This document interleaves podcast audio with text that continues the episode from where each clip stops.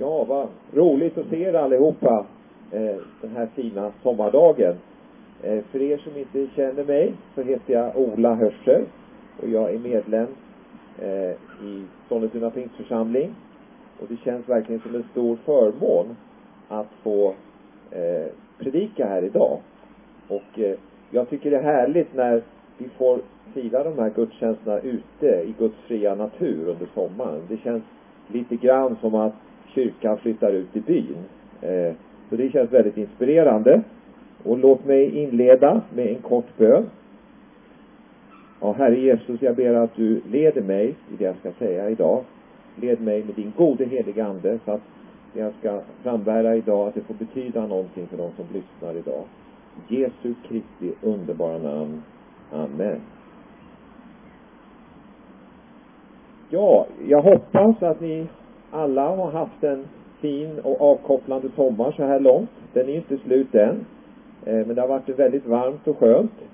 Och att ni har haft möjlighet att samla lite kraft inför hösten. Vila ut. Och vi kan ju nu liksom, det börjar öppnas upp lite grann efter pandemin. Man kan träffas mer på vanligt sätt i takt med att vi blir vaccinerade, fler och fler. Och eh, jag tänker mig att sommaren, det är också en tid på året när vi kan börja att vi kan eh, liksom stanna upp lite grann, reflektera över den tid som har varit och fundera över framtiden. Och då kan ju det också vara en tid att, att eh, ta mer tid till Gud och lyssna in hans röst. Vad har han för plan för mitt liv? Eh, kanske är det så att Gud har manat dig att ta nya trosteg i livet den här sommaren inför framtiden. Och eh, det är också temat för min predikan idag. Så jag har kallat den här predikan att vandra i tro med Gud. Och så jag tänkte ställa mig frågan, vad är det som kännetecknar en trosvandring med Gud?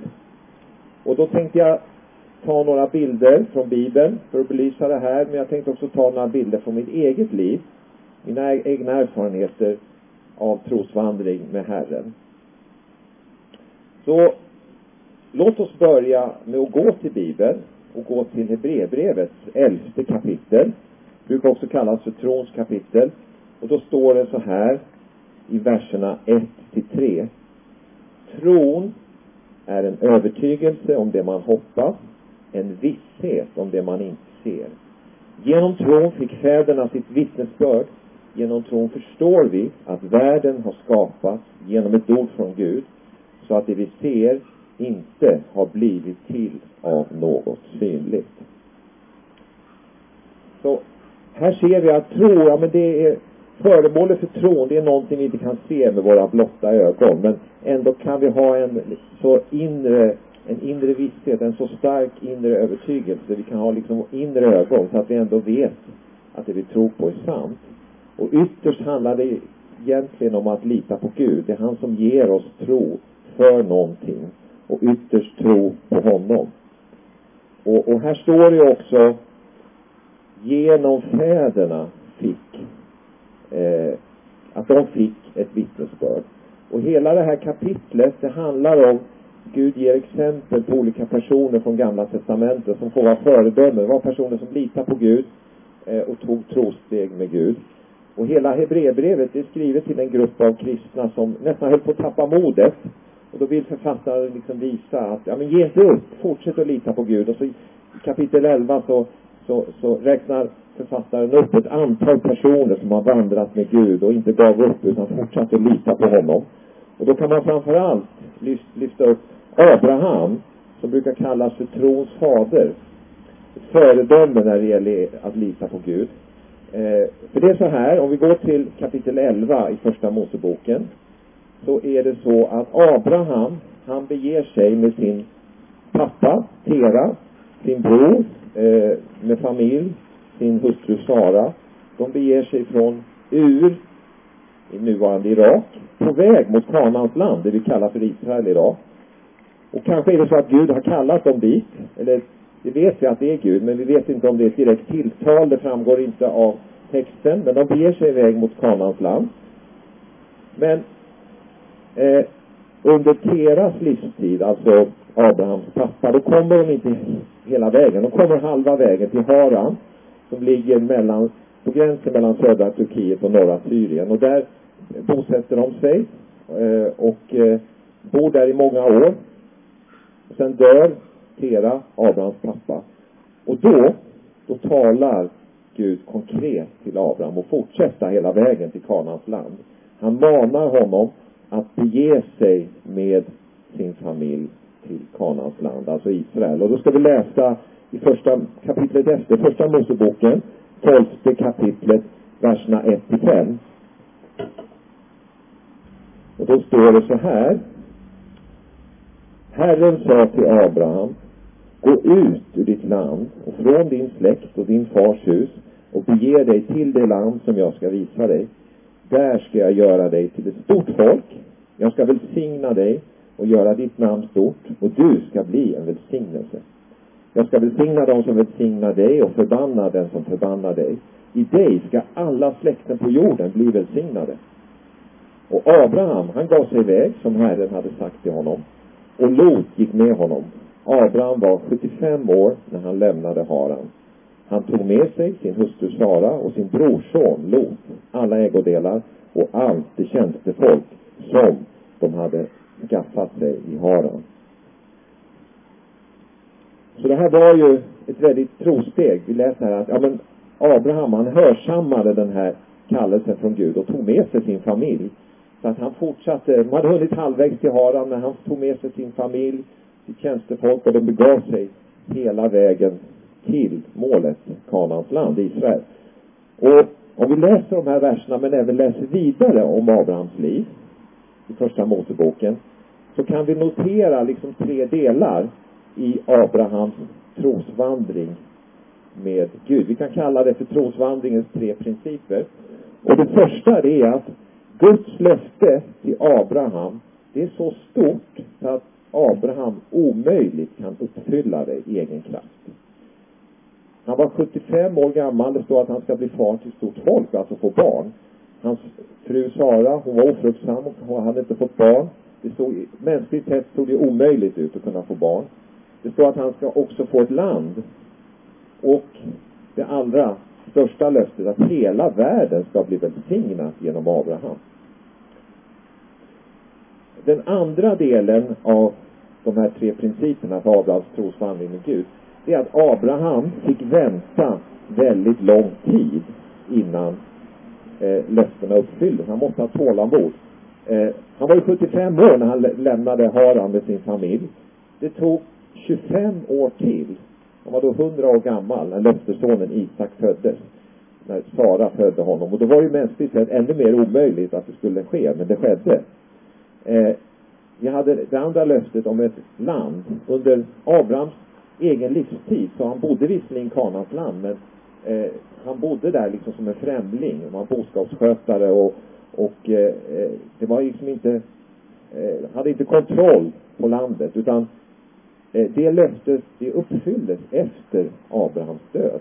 500 år senare, drygt, så leder Josua Israels folk in i det förlovade landet efter att Josua tar ju vid efter Mose när man efter slaveriet i Egypten får lämna Egypten, tillbringar 40 år i öknen och sen när Mose dör så tar Josua över som ledare och leder dem in i det förlovade landet. Och det här är fem, mer än 500 år efter att Abraham får löftet om att du ska få ett land.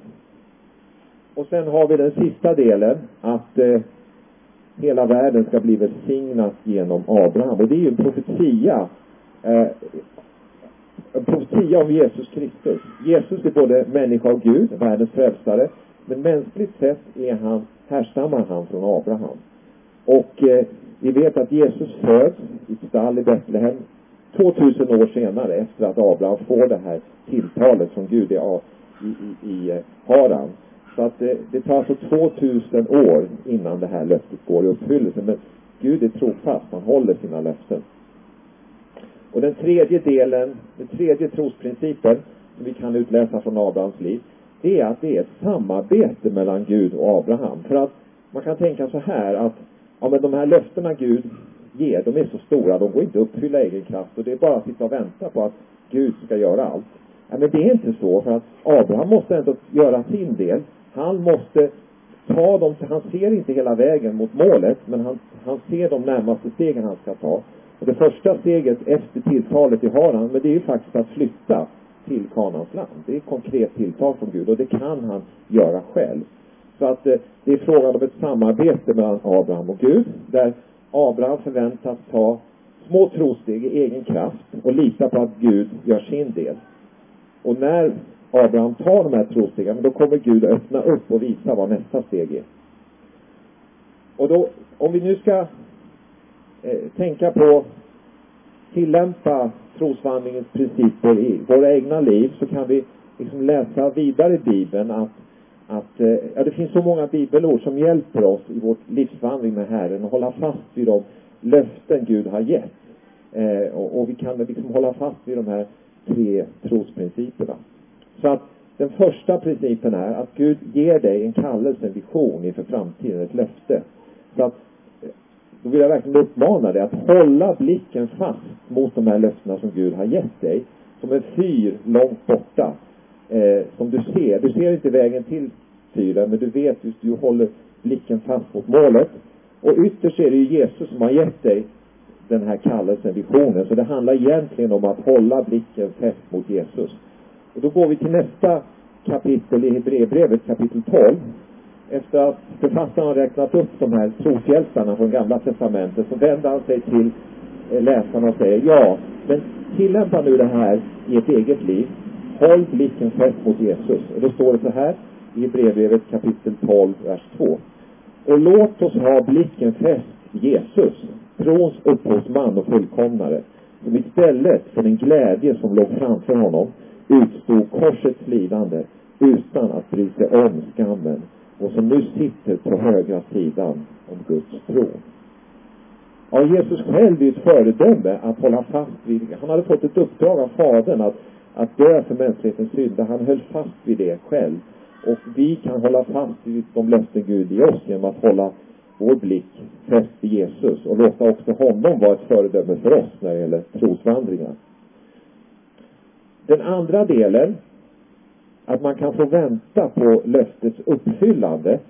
Eh, ja, men då kan vi få ta på oss eh, trons sköld så att vi inte drabbas av missmod och kanske ger upp på vägen. För eh, Aposteln Paulus, han undervisar ju i Efesierbrevet kapitel 6 om den andliga vapenutrustningen som vi får ikläda oss varje dag. Och eh, eh då står det bland annat så här i, i kapitel 6, vers 16 av Efesierbrevet. Ta dessutom trons sköld på er. Med den kan ni släcka den ondes alla brinnande pilar.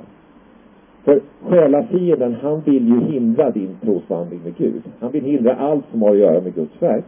Och då kan de här brinnande pilarna se ut på olika sätt. Det kan vara framförallt att liksom eh, skapa missmod hos dig själv. Att du, du ger upp. Det kanske tar tid innan löftena uppfylls eller det kom, du blir distraherad. Det kommer andra saker i din väg som kortsiktigt verkar mer spännande och uppnå, uppnåeligt. Eller det kan också vara eh, liksom brinnande pilar utifrån. Du möter motstånd utifrån på vägen att nå det här målet. Men då får vi ikläda oss trons sköld samtidigt som vi har blicken fäst mot Jesus långt bort. Och sen den, den, den här tredje delen. Att, att det är ett samarbete mellan dig och Gud. Att, att eh, du kan göra din del för att löftet ska uppfylla sig. Du kanske ska engagera dig eh, i något nytt sammanhang, kanske gå bibelskola, kanske börja läsa någon ny bibelläsningsplan eh, eller någonting som du känner att det här Gud lagt på ditt hjärta. Då kan du ta det steget. Men du har, ser inte hela vägen fram till målet, men du ser den närmsta biten som är upplyst med lampa framför fötterna. Då kan du ta ett steg i den riktningen. Och så här står det i Psaltarens 119 psalm, vers 105. Ditt ord är mina fötters lykta och ett ljus på min stig. Så att Guds ord kan också hjälpa oss att lysa upp närmaste delen och då ser vi var vi ska gå. Men det kan faktiskt vara så ibland ser vi inte var vi ska gå kortsiktigt heller. Men då blir det ändå upplyst, så vi ser att det är ingen avgrund där. Då kan vi pröva att gå dit, gå dit och dit och känna oss för lite grann. Det är ändå liksom vad vi gör vår del, prövar oss fram. så att här ser vi att Bibeln ger olika löften där som vi kan ha till vår hjälp. Bibelord kan vara till vår hjälp i vår trosvandring med Herren.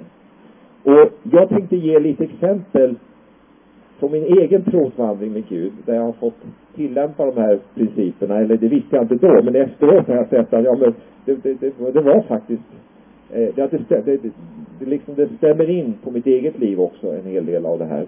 Eh, för det var så här att, det var under flera års tid, eh, fyra, fem år, för 10 till 14 år sedan, då började Gud tala till mig på olika sätt. Att han hade en speciell plan för mitt liv som jag inte hade upptäckt. Och jag hade egentligen inte upptäckt vem jag var som person. Och han, Gud sa att det var dags för mig att börja upptäcka det. Och det kom tilltal oberoende av varandra från olika personer. Så att i början så visste jag inte ens alls, jag visste inte ens vad den här planen gick ut på. Men jag, så jag började ta, jag förstod att det var nog arbete i något kristet sammanhang. Så jag började ta steg i lite olika riktningar, fick känna mig för lite grann. Och sen när jag började göra det, då kom jag in i sammanhanget att jag fick fler profetiska tilltal då Gud förtydligade det han hade sagt tidigare. Han säger inte allt på en gång, utan han vill att vi ska lita på honom. Och, eh, och det var ett väldigt starkt profetiskt tilltal här i kyrkan på ett förmiddagsmöte att jag precis som Abraham skulle våga ta ett trosteg, lämna det sammanhang eh, jag var inne i och våga gå utan att jag såg vägen klart. Och eh, det framgick också av de här tilltalen mer än tio år sedan att Gud skulle öppna upp olika dörrar internationellt också. Och sen så småningom så kom det liksom fler tilltal och så. Då insåg jag att ja, men det Gud hade kallat mig till, det hade med kristen politik att göra. Att få vara med och försvara att Bibeln är trovärdig gentemot de som kanske är, är eh, ifrågasätter frågasätter Bibeln. Men också för kristna att få vara med och, att gentemot kristna och styrka tilltron till Bibeln. Och eh, under den här tiden så ledde Gud mig också att börja skriva en bok, Becoming a Christian på, på engelska. Den kom ut för tre år sedan på ett amerikanskt förlag. Och det tog nio år att skriva den boken. Och det var också ett stort trosprojekt. Och, och Gud manade mig att sätta igång och skriva det, fast jag var väldigt osäker för att jag liksom skulle skriva om saker som jag inte alls var expert på. Men när jag började göra det, då började Gud sända olika experter på olika områden i mitt liv som gav mig litteraturtips och ledde mig vidare. Men det var inte först jag själv började ta vissa steg. Och alltså, det var en fantastisk trosresa att skriva den här boken. Men det tog nio år. Under flera, under långa perioder var jag tvungen att lägga det här arbetet åt sidan. Jag hade en hel del annat på jobbet och annat. Och då var jag faktiskt nära att ge upp. Det här kommer aldrig bli klart. Det är för stort projekt. Men då kände jag, att men Gud har ju gett så starka löften och tilltal. Jag kan inte liksom ge upp. Jag måste ju lita på honom. Att har han sagt det, då kommer han också fullfölja det. Och, och det gjorde han också. Så att det projektet fullföljdes. Och sen när väl boken kom ut så har Gud öppnat upp andra dörrar. Och även internationellt faktiskt på senare år. För jag har fått vara med och försvara eh, med vetenskapens hjälp att Bibeln är trovärdig. Framförallt skapelseberättelsen i början eh, i Bibelns första kapitel. Och jag är matematiker och jag har fått vara med att, att med matematikens och genetikens hjälp få visa på att vi alla människor härstammar från ett första par, Adam och Eva, utan släktskap med andra arter. Och då för vet jag att ju, ju mer släkt vi är, desto mer lika är vårt DNA.